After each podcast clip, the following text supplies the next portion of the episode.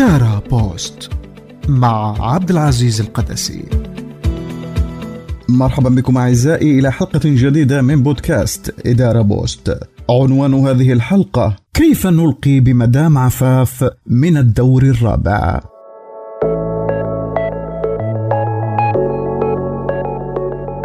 مدام عفاف أيقونة الروتين والبيروقراطية المعقدة. أعزائي المدام عفاف أو مدام عفاف اللي في الدور الرابع. هو مصطلح مصري ساخر يستخدم في مصر ومنها شاع وأصبح مرادفا للبيروقراطية الإدارية المعقدة والفاسدة سيئة الذكر. لذلك فإن العبارة المتداولة عند مدام عفاف اللي في الدور الرابع تشير إلى الموظف الحكومي الذي يتولى مهام إدارية مهمة ويتصرف بطريقة مستبدة وغير مرنة ويفرض شروطا وقيودا على المواطنين الذين يرغبون في الحصول على الخدمات. الخدمات يعكس هذا المصطلح مدى انتشار ظاهرة الروتين والبيروقراطية في قطاع الإدارة العامة في وطننا العربي وكذا مدى استياء المواطنين من ذلك. يقال إن أصل هذا المصطلح يعود إلى فترة حكم الرئيس المصري جمال عبد الناصر حيث كانت هناك مديرة إدارية تدعى عفاف رزق. تشغل منصب رئيس قسم التأشيرات في جوازات المطار مطار القاهرة. وكانت تتسم بالتشدد والتعقيد في تعاملها مع المسافرين. وبمرور الزمن أصبح اسمها رمزا للروتين والبيروقراطية في المؤسسات الحكومية.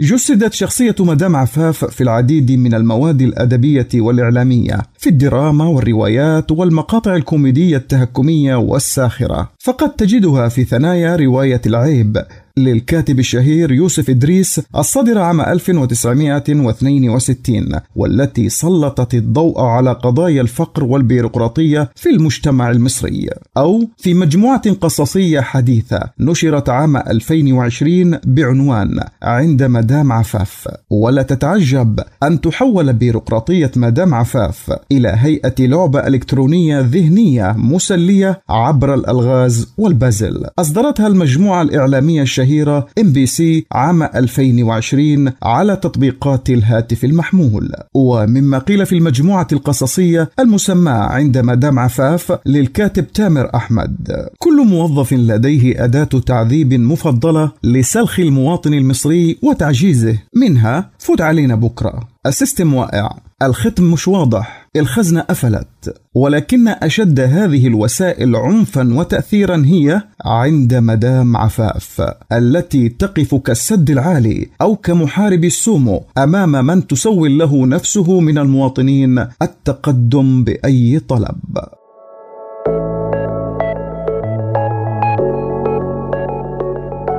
التصقت وما تزال الروتينية والبيروقراطية كسمة مترسخة في قطاع الإدارة الحكومية والخدمة العامة في الوطن العربي، حيث تتجلى صورها في العديد من الإجراءات والمتطلبات الإدارية المعقدة والمعيقة، وعلى رأسها تضخم الإجراءات والأوراق والتقارير والتصاريح المطلوبة لإنجاز أبسط المعاملات.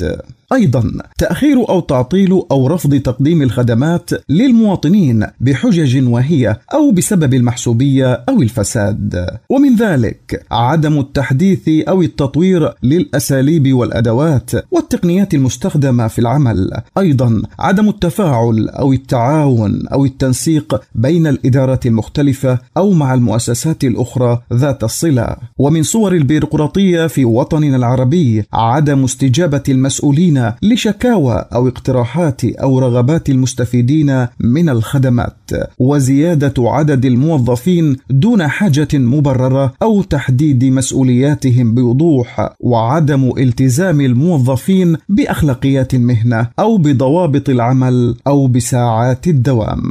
لا تتوافر إحصائيات رسمية شاملة عن مستوى الروتين والبيروقراطية في قطاع الإدارة الحكومية والخدمة العامة في جميع الدول العربية. لكن هناك بعض المؤشرات التي تعكس هذه المشكلة مثل مؤشر جودة الخدمات الحكومية والذي يصدره معهد التنافسية العالمية التابع للمنتدى الاقتصادي العالمي سنويا ويقيس مدى رضا المستفيدين من جودة وفعالية وشفافية وحيادية الخدمات الحكومية في 141 دولة. وللأسف لا يشمل هذا المؤشر جميع الدول العربية. وفقا لهذا المؤشر جودة الخدمات الحكومية للعام 2021 جاءت أغلب الدول العربية في مراكز أقل من متوسط بقية دول العالم غير أن الإمارات العربية المتحدة هي الدولة العربية الأعلى تصنيفا في المؤشر وتحتل المرتبة السابعة والعشرين عالميا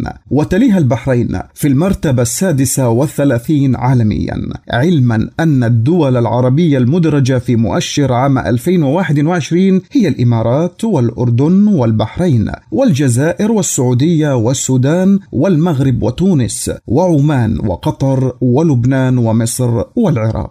وهناك مؤشر عالمي آخر ذو صلة. هو مؤشر سهولة ممارسة الأعمال والذي تصدره مجموعة البنك الدولي ويقيس مدى تسهيل أو تعقيد القوانين أو الإجراءات الحكومية لبدء وتشغيل وتطوير الأعمال في 190 دولة. وفي التقرير عام 2020 جاءت أغلب الدول العربية في مراتب متأخرة أيضا حيث لم تقع في مراكزه الأولى الخمسين إلا الإمارات العربية المتحدة في المركز السادس عشر عالميا. ثم البحرين في المركز الثالث والأربعين مع أداءات جيدة للمغرب في المركز الثالث والخمسين وتقدم ملحوظ لكل من السعودية في المركز الثاني والستين والأردن في المركز الخامس والسبعين.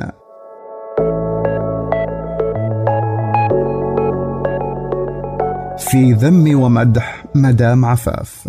تحدث مدام عفاف بروتينها وبيروقراطيتها المعقدة آثارا سلبية كثيرة على مستوى كل من المؤسسة نفسها أو قطاع الإدارة العامة بشكل عام أو مستوى الموظف أو المستفيد من الخدمة. من هذه الآثار أنها تقلل كفاءة وفعالية أداء المؤسسة أو قطاع الإدارة وتضعف جودة الخدمات المقدمة سواء للمواطنين أو المستثمرين أو الشركاء الدوليين.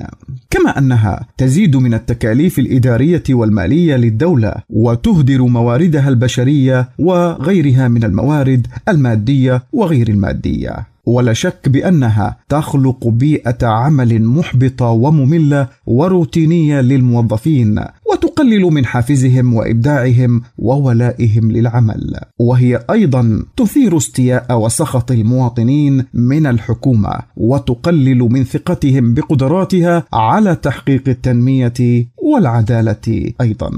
وتعرقل مدام عفاف كرمز للبيروقراطية والروتينية. تعرقل التغيير والتجديد والابتكار في السياسات والبرامج والأساليب الإدارية. وتفتح المجال لانتشار ظواهر سلبية مثل الفساد والرشوة والمحسوبية. والواسطة. ومع كل ما تمثله مدام عفاف من جانب سيء لنظام البيروقراطية الإدارية لك أن تتخيل عزيزي المستمع أنها يوما ما أي البيروقراطية كانت من أفضل النظم في إدارة المؤسسات والأعمال بل ووصفت بالمثالية. فوفقا للمفكر وعالم الإدارة ماكس فيبر رائد نظرية البيروقراطية مطلع القرن العشرين فإن البيروقراطية هي النموذج الإداري المثالي الذي يقود إلى إنشاء المؤسسة المثالية وهي في نظره حالة الوصول إلى مؤسسة تكون فيها العلاقات والإجراءات مدروسة بأسلوب علمي ومقرة كتعليمات رسمية ملزمة للجميع. ويعمل الكل على تنفيذ هذه التعليمات مما يحقق الاستقرار والثبات لهذه المؤسسة حتى لو تغير أفرادها جميعا. ولذلك تتميز البيروقراطية بالتركيز على القواعد والإجراءات الصارمة والمعايير المحددة لإدارة المؤسسات والمنظمات.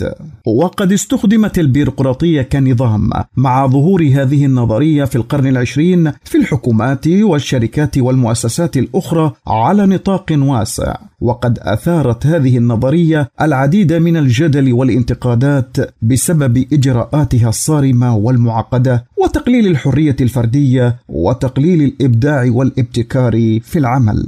ومع ذلك ذلك. لا يمكن إنكار أن البيروقراطية قد ساهمت في تحسين الكفاءة والجودة في العمليات الإدارية وتوحيد الإجراءات وتحديد المسؤوليات والصلاحيات بشكل دقيق وتحسين الشفافية والمساءلة في العمل.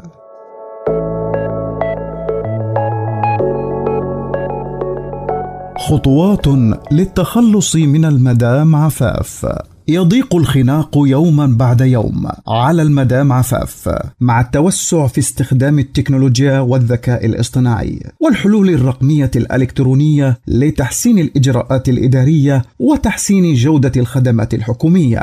مما يبعث على التفاؤل في أن منطقتنا العربية تشهد بروز نماذج مضيئة لدول أحرزت تقدما مميزا في هذا المجال. ومنها الإمارات العربية المتحدة والمملكة العربية السعودية. تفاجئنا السعودية بتحقيقها المركز الأول في مؤشر نضج الخدمات الحكومية الإلكترونية والنقالة للعام 2022 والذي يقيس جودة الخدمات الحكومية الكترونيا في 18 دولة عربيا وفقا للتقرير الصادر من لجنة الأمم المتحدة الاقتصادية والاجتماعية لغربي آسيا الإسكوا التابعة لمنظمة الأمم المتحدة والذي يقيس مدى نضج الخدمات الحكومية المقدمة عبر البوابات الإلكترونية والتطبيقات الذكية. بلغ معدل نضج الخدمات الحكومية الإلكترونية والنقالة في المملكة العربية السعودية